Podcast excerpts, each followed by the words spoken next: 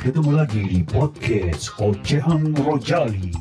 Ada cerita keseharian, puisi, kejengkelan dan keamarahan, ada juga kerinduan dan cinta. Yuk kita ikuti episode kali ini. Halo, ketemu lagi dengan podcast Ocehan Rojali di hari Sabtu seperti biasanya. Teman-teman Rojali kali ini, Rojali kedatangan tamu seorang yang cantik dan pendaki gunung. Siapa dia coba? Halo semuanya, kenalin saya Vita dari Tegal. 18 tahun, seorang pendaki gunung atau pegiat alam yang melirikan diri dari penatnya kota. berarti berarti kalau penat malah mendaki gunung ya? Iya, karena di kota terlalu banyak drama. Untung nggak berseri ya, season 1, season 2 gitu ya. Aku manggilnya apa nih? Vita aja. Boleh Vita. Oh ya. Vita, gimana terakhir kemarin mendaki gunungnya ke mana? Kemarin ke perahu. Bandung? Lembang? Bukan, itu kalau di Bandung tanggupan perahu. Kalau ini Gunung Perahu. Oh, Gunung Berarti Perahu. ikutnya dari di Wonosobo. Oh, di Wonosobo. Heeh. Berapa lama perjalanan sampai puncak? Cuma dua hari. Dua hari, tapi nginep di tengah Iya. kan? Nginep di puncak saya malam doang. Oh gitu, oh boleh yang nginep di puncak ya? Boleh dong. Kagak ada yang larang ini. Kirain. Terus besokannya ada, ya waktu check out sudah mulai, gitu repot lagi. Eh, sekarang kegiatannya apa aja selain kul- eh, apa kuliah daring? Selain daki gunung dan sebagainya. Eh, sorry, kalau daki gunung itu ada protokol kesehatannya nggak sih? Ada dong. Gimana dong sama aja? Sama aja, tapi setiap biasanya setiap gunung, setiap camp itu beda protokol kesehatan, beda ketentuan, beda syarat juga. Kemarin yang paling berkesan apa? Paling berkesan pas Sindoro. Gunung Sindoro. Ha temenku sampai hipotermia. Nah, itu yang mau gue bilang. Gue kalau naik gunung itu namanya ngamuk-ngamuk di atas itu seolah tanpa kontrol. Kayak orang gila. Di luar kendali. Di luar kendali, tahu-tahu sepatunya teman gue gue buang aja, jebret gitu. Tanpa basa-basi. Itu lebih drama daripada kepenatan kota tahu. Iya, Eh ada nggak sih orang pacaran naik gunung bareng? ada. ada ya? Berarti itu Banyak. kenapa kenapa? Banyak. Banyak ya. Tapi ya eh, kembali ke diri mereka masing-masing tujuannya apa gitu. Kalau cuma sekedar pengen rekreasi sama pacar mah nggak apa-apa. Tapi kan sekarang lagi banyak kan di media-media yang diberitakan. iya Oh dong. pacaran langsung di gunung kayak gini gini. muncak dong. Sebenarnya pengen lihat watak asli waktu kena hipotermia tuh ngamuk-ngamuk kagak gitu ya. Terus kalau ada apa-apa tinggal alasan, Mas kurang oksigen Mas gitu ya. Mas dingin banget mas. Perlu napas buatan. Hmm.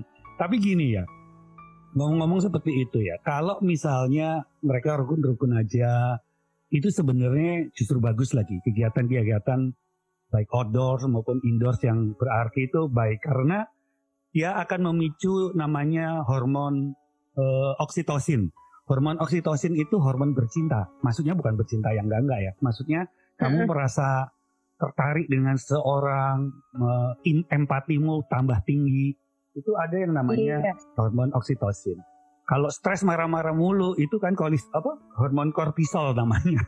Jadi kalau misalnya ngamuk-ngamuk aja, kemudian overprotect lah, kemudian mau lihat eh, password akun-akunnya dan sebagainya. Nah itu berarti ada yang kebanyakan hormon kortisol. Jadi jadi ternyata kadang-kadang ketidakkompakan atau menjadi tidak sefrekuensi, sefrekuensi itu bukan hanya karena situasi, tapi karena hormonal juga. Mm-mm. Berarti itu termasuknya dari faktor internal dari diri sendiri. Masalahnya belum ada kayak tes hormon gitu sih, yang ada cuma tes pack. Kalau enggak mesti bisa. Akibatnya apa? Akibatnya pasti ada yang dikatakan kalau anak-anak sekarang sih bilangnya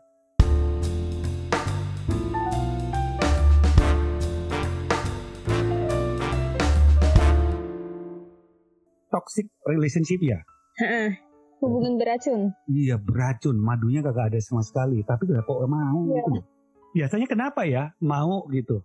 Biasanya Mm-mm. orang yang terjebak dalam toxic relationship Mm-mm. alasannya karena ah gue masih sayang sama dia gue sayang banget sama dia rela dia papain asalkan sama dia dalam artian bucin parah Iya benar, benar benar benar. Gue pernah bucin itu pernah kok parah kok bucin itu. Jadi seolah-olah eh gue yang lebih banyak hormon oksitosinnya, kortisolnya di dia gitu. Kira-kira seperti Iya. itu. Nah, toxic relationship itu sering kali bikin orang nggak sadar ya bahwa seolah kalau misalnya cowok nih biasanya dengan alasan ingin melindungi, ingin memberikan eh, perhatian, ingin dianggap satu-satunya seperti itu ya, tapi akhirnya jadi meleset Iya. seperti itu. Kamu ada cerita nggak temenmu yang punya kasus parah banget? banyak ya diriku juga pernah mengalami Sampai batuk kamu mengalami juga? Lama ya nggak? namanya ya lumayan dua bulanan lah Itu masih sebentar atuh neng. ya menurutku lama Oh lama ya? karena karena kan diriku yang menjalankan Iya bukan gua ya. Kalau gue Nah, yang gitu. jalanin repot. ya sebenarnya kalau itu sih kembali ke diri kita. Gimana kita menyadari bahwa kita terjebak dalam suatu hubungan beracun apa enggak?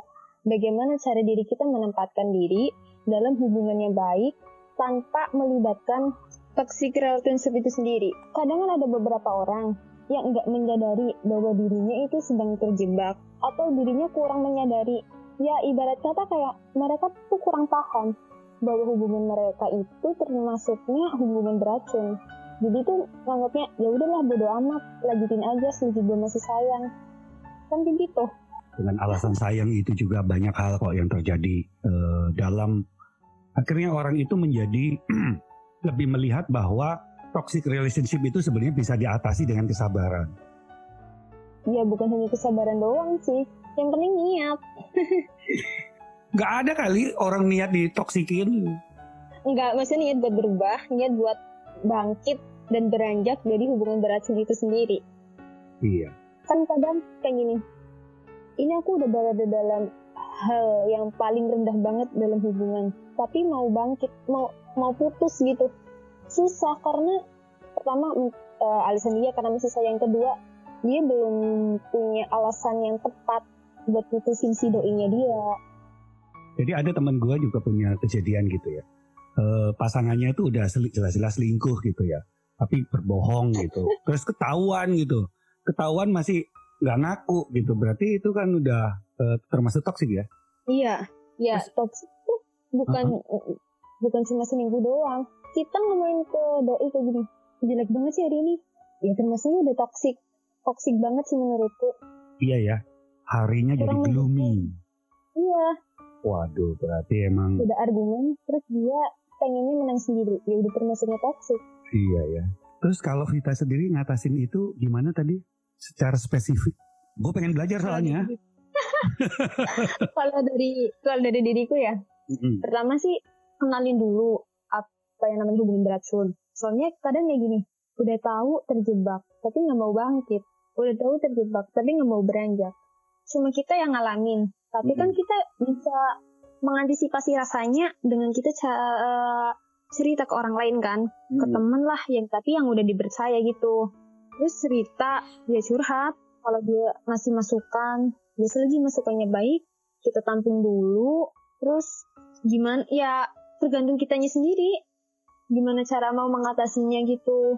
Soalnya Iya kan kadang kalau kita cerita kayak gini soal hubungan ke teman kita udah bener-bener down banget ngadepin Hmm. ini semua ternyata teman cuma ngomong ya udah sabar aja bukan cuma lu kok yang nggak kayak yang kayak gini gue juga lebih parah Iya, Kan sampai sabar. tambah. Jadi kadang-kadang ada juga yang kayak gini sih. Ternyata ada juga yang namanya emosi dasar ya. Kadang-kadang emosi Iya. dasar yang berbeda itu juga mengarah pada hubungan yang toksik. Emosi dasar itu kalau nggak salah ada empat ya, eh, dominan, interaktif, stabil, sama yang satunya cermat DISC yang namanya itu. Kalau Hmm. misalnya orang itu cowoknya dominan, ini nggak bisa dilawan dengan dominan.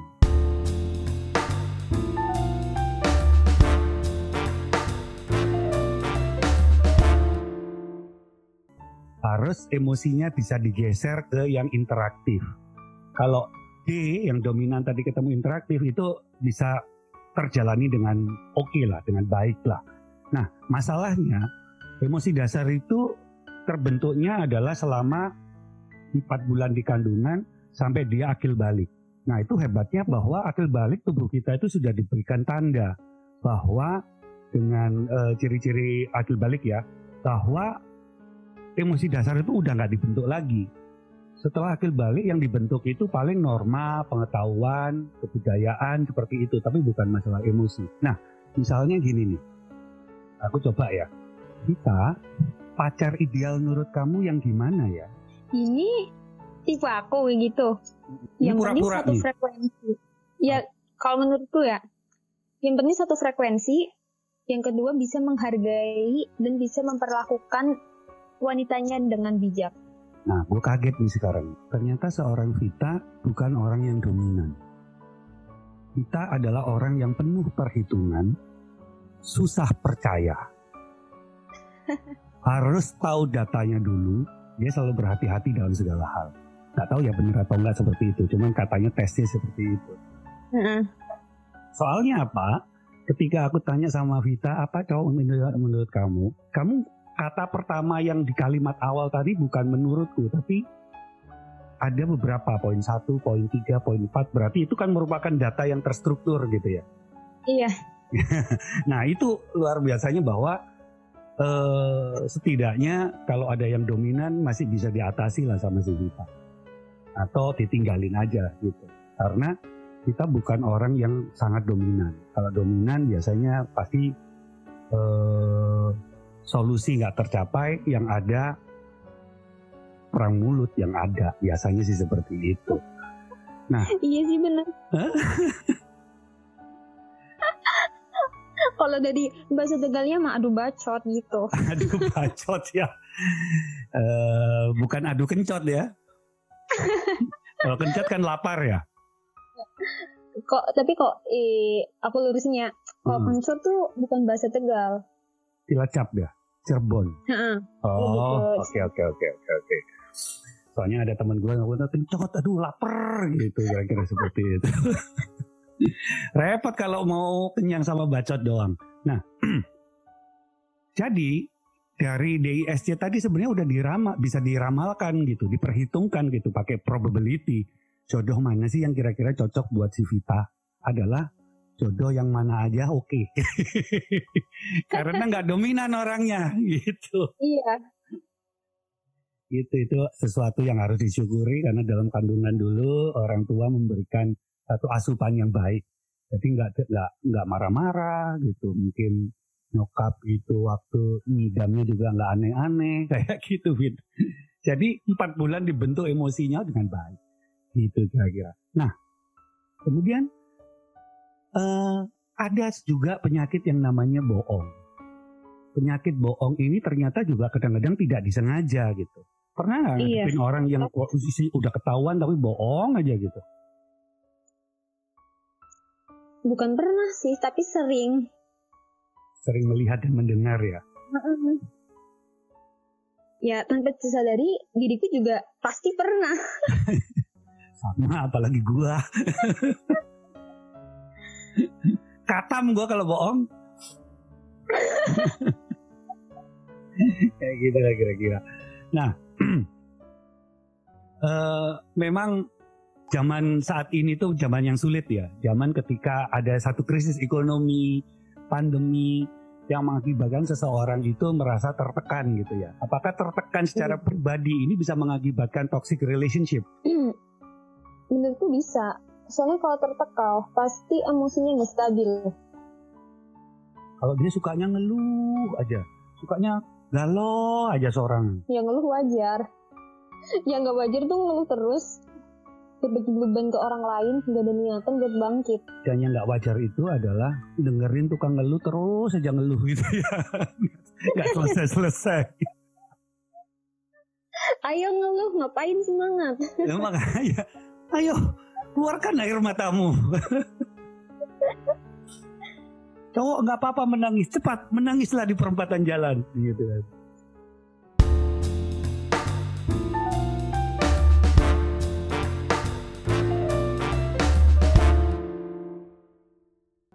Nah, jadi sebenarnya kalau dari usia, usia dalam berpasangan, dalam kata pacaran atau apa pun ya, itu Heeh.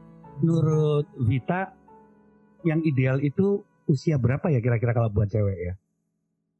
kalau buat cewek ya menurutku SMP kelas 3 karena diriku SMP kelas 3 juga udah pacaran Waduh, kamu sih luar soalnya biasa. Heeh. ya namanya cinta monyet kan kadang Hmm. beda orang beda cara berpikir cara beda cara menanggapi masalahnya juga kayak gitu soalnya kan ya menurutku ya Mm-mm. dewasa tuh bukan dilihat dari umur tapi dari tingkah laku cara dia mengatasi masalah dan story WhatsApp itu juga mempengaruhi menurutku Story WhatsApp. ah Apa bukan itu? story WhatsApp sih cara dia bermedia sosial soalnya kadang Oh gini, iya iya iya. udah gede punya masalah bukannya diselesain malah bikin status kayak gini kayak gini curhat di medsos ih itu enggak banget menurutku. Ya walaupun itu hak dia buat ber- bermedia sosial tapi ya menurutku kita juga punya batasan buat apa yang diceritakan ke halayak umum ke media sosial. Apalagi kalau di media sosial kan mungkin cuma 5% teman yang kita kenal di RL selebihnya kita nggak kenal. Nggak kenal tapi mereka udah tahu apa masalah hidup kita apa masalah tentang Cintaannya, bukan cuma percintaan segala kadang hal ya. ekonomi juga diceritain Iya.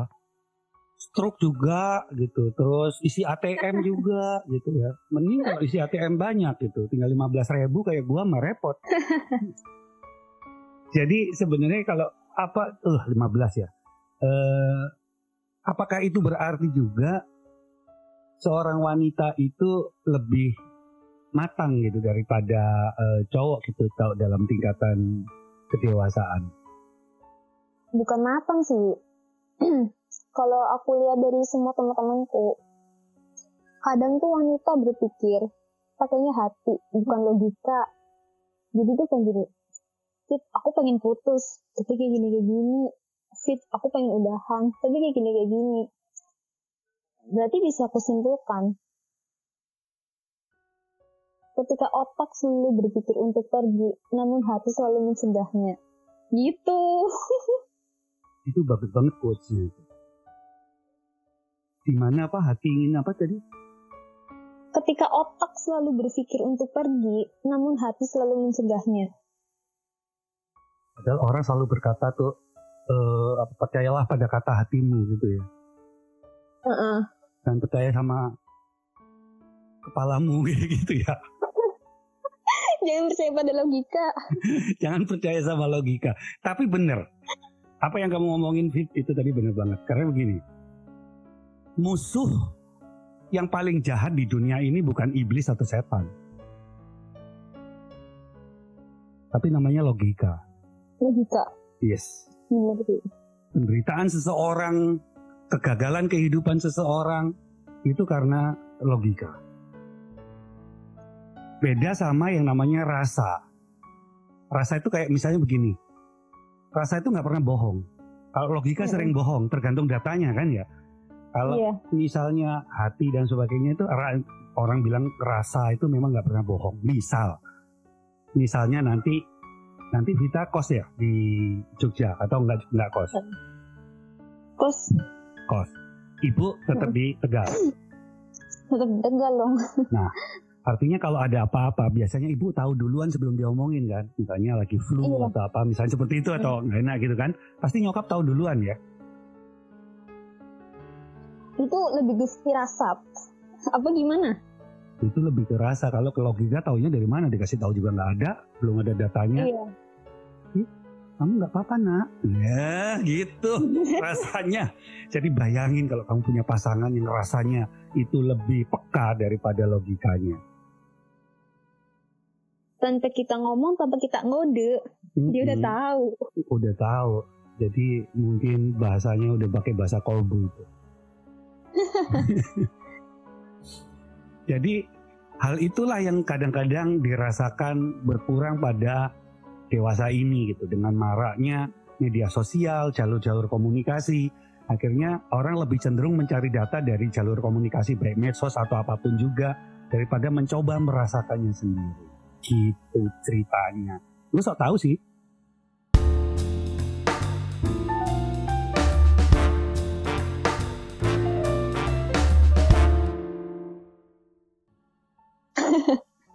Sok tahu, tapi kan berbobot. Maksudnya tuh ada ilmunya. Pokoknya diiyain aja dulu, masa enggak ntar aja. gitu. kita kayaknya nggak terasa 15 menit kita udah terlewati ini. Mudah-mudahan di episode episode berikutnya kita masih ada ya kalau misalnya nggak keberatan. Ya, yang penting ngatur waktu. Hmm, hmm sih. Pakai rasa ya. kalau logika bisa nggak cocok. oh kayaknya ini oh kayaknya sih eh, ini lagi senggang nih. Ah, gitu gua. Gasken. Gasken. ya udah. Terima kasih. Sukses selalu. Pokoknya naik gunung lagi. Nggak tahu emang masih boleh nggak ya? Masih ya? Masih ada banyak sasaran yang mau didaki. Masih banyak sih. Tapi kuliah jangan lupa ya. Nanti Ini kan kuliahnya di, masih daring. Heeh. Ntar kuliah di alam terbuka lagi. Ya wes, sampai ketemu lagi Vita. Thank you very much. Sama-sama. Dadah, thank you. Assalamualaikum. Bye. Waalaikumsalam warahmatullahi wabarakatuh.